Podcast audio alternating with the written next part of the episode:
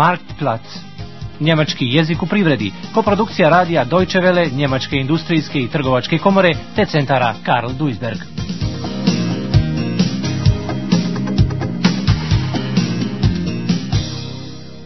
Treća lekcija. Pekara. Kraj je radnog vremena. Bračni par Tomas i Ivone već su večerali, ali svakovečernje opuštanje pred televizorom danas izostaje.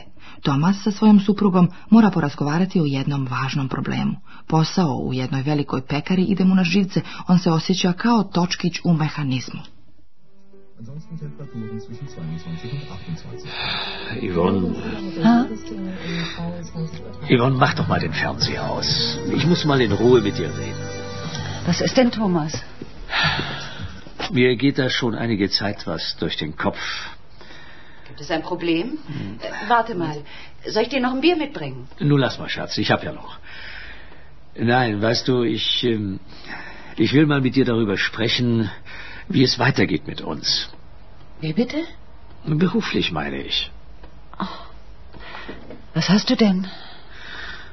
Mein Job in der Großbäckerei ist ja ganz in Ordnung, aber irgendwie geht mir das auf den Geist in dieser Brotfabrik. Alles automatisiert. Ich habe kaum Kontakt zu anderen Menschen und überhaupt, ich bin da nur ein Rädchen im Getriebe. Was meinst du damit, Thomas? Willst du etwa Ivone je prestrašena. Ako Tomas po sobstvenoj želji da otkaz, tri mjeseca neće dobijati čak ni novčanu pomoć za nezaposlene. Tomas sanja da postane samostalan. On bi u zadnjem dijelu prodavnice u samoj pekari mjestio tijesto, a njegova supruga bi u dijelu radnje predviđenom za prodaju prodavala zemičke. Jasno, peć i cijela oprema koštaju mnogo novaca. On ne mora odmah otvarati novu radnju. Tomas je nedavno sreo jednog poznanika, starog drosta, bolestan i imao bolove u krstima. Njegova djeca neće da preuzmu posao, stoga on traži nasljednika. Was ich meine... Was würdest du davon halten, wenn wir uns selbstständig machen? Was? Eine eigene kleine Bäckerei.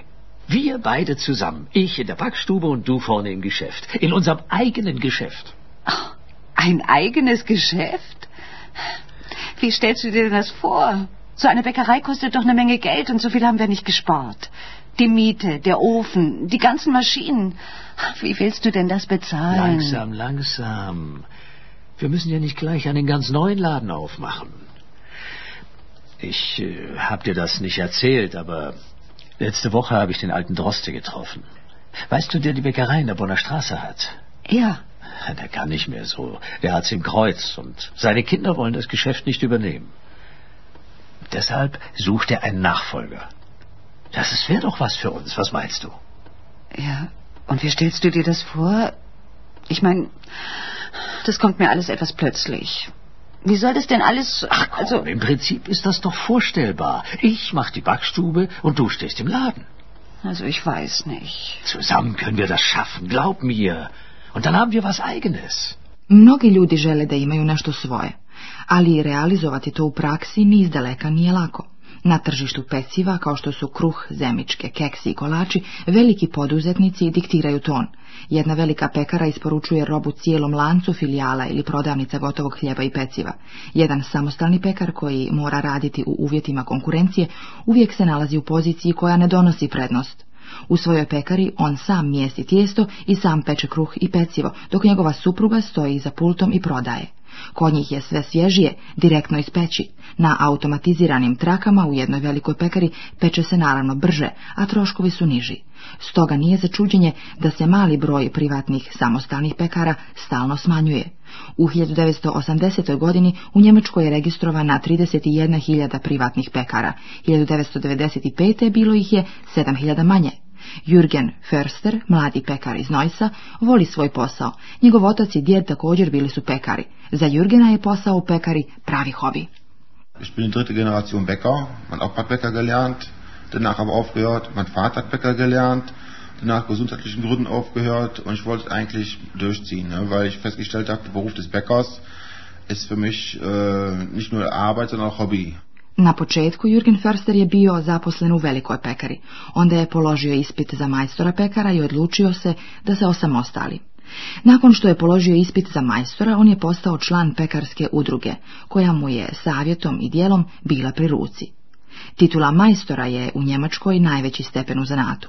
Bez kvalifikacije majstora nije moguće dobiti odobrenje za otvaranje frizerskog salona, pekare ili neke druge zanatske radnje. No titula majstora nije dovoljna za uspjeh. Između ostalog potreban je sobstveni kapital, stručno znanje i kvalitet u vođenju firme. O tome govori Aleksandra Dinst, menadžer Kelmske udruge pekara. Die erste Voraussetzung ist die Meisterprüfung. Die zweite Voraussetzung es sollte idealerweise ein Eigenkapital von 30.000 DM vorhanden sein. Damit der Betrieb Aussicht hat, gut übernommen zu werden, sollte der Bäcker über ein sehr gutes fachliches Können verfügen. Die Kunden sind heute in Deutschland in Brot- und Backwaren sehr anspruchsvoll. Er sollte Führungsqualitäten haben. Er sollte sich klar sein, dass er als Bäcker der Diener seiner Kunden ist. Das ist eine ganz wichtige Eigenschaft, die den heutigen jungen Leuten oft wesensfremd ist. Und die Familie sollte dahinter stehen.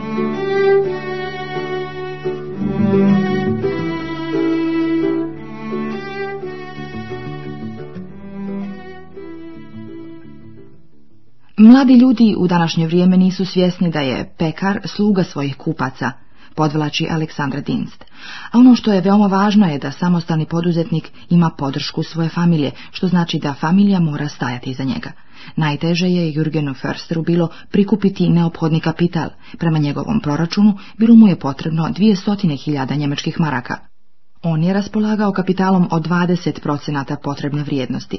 Pekarska udruga posredovala je u dodjeli kredita u okviru različitih programa za početno finansiranje privatnih poduzetnika ili onih koji zasnivaju svoju egzistenciju.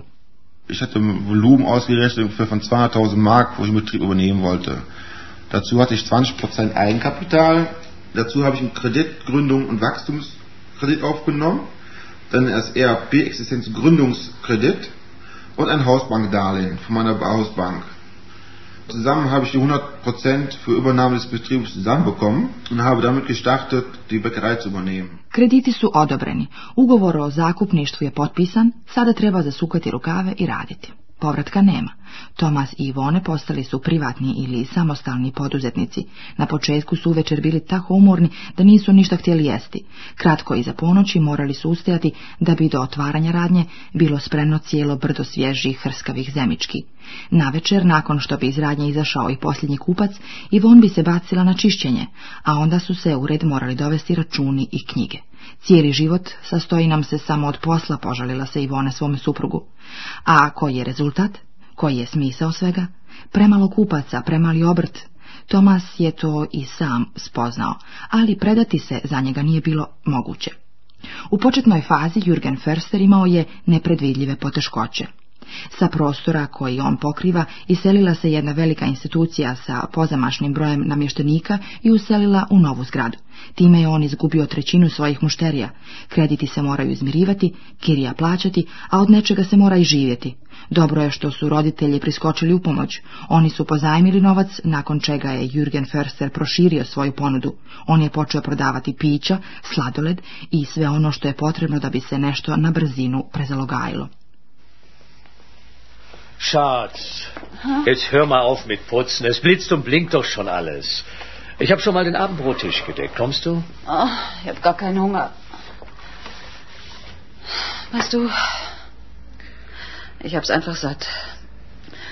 Den ganzen Tag hinter der Theke stehen, abends das Putzen und dann noch die Buchführung. Das ganze Leben besteht nur noch aus Arbeit. Und wofür das alles?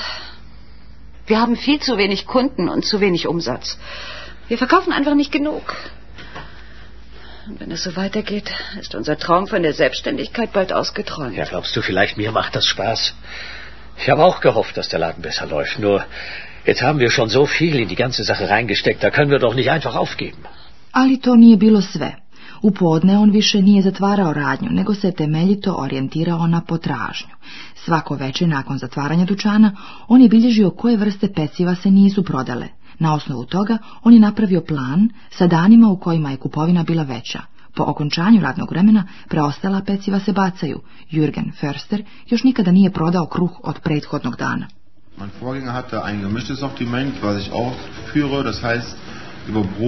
Brötchen, Schwarzbrot, Kuchen, Feinbäckerei, Konditorei.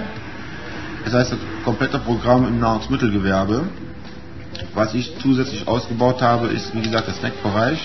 Dazu gehören unter anderem auch Getränke, Eis, Speiseeis und äh, verschiedene kleine Snacks wie Buko oder Käseecke, Honig, Marmelade, Nutella. Das ist das Wichtigste heute heutzutage, dass man eigentlich vom Sortiment her die Kunden auch was bieten kann. Da ne bi previše bacao, pekar ne smije peći kako bi imao rezervu, što znači da on mora izbjeći preveliku ponudu hljeba i peciva. S druge strane, moguće je da se kupac više ne pojavi ukoliko neposredno pred zatvaranje radnje vidi prazne regale.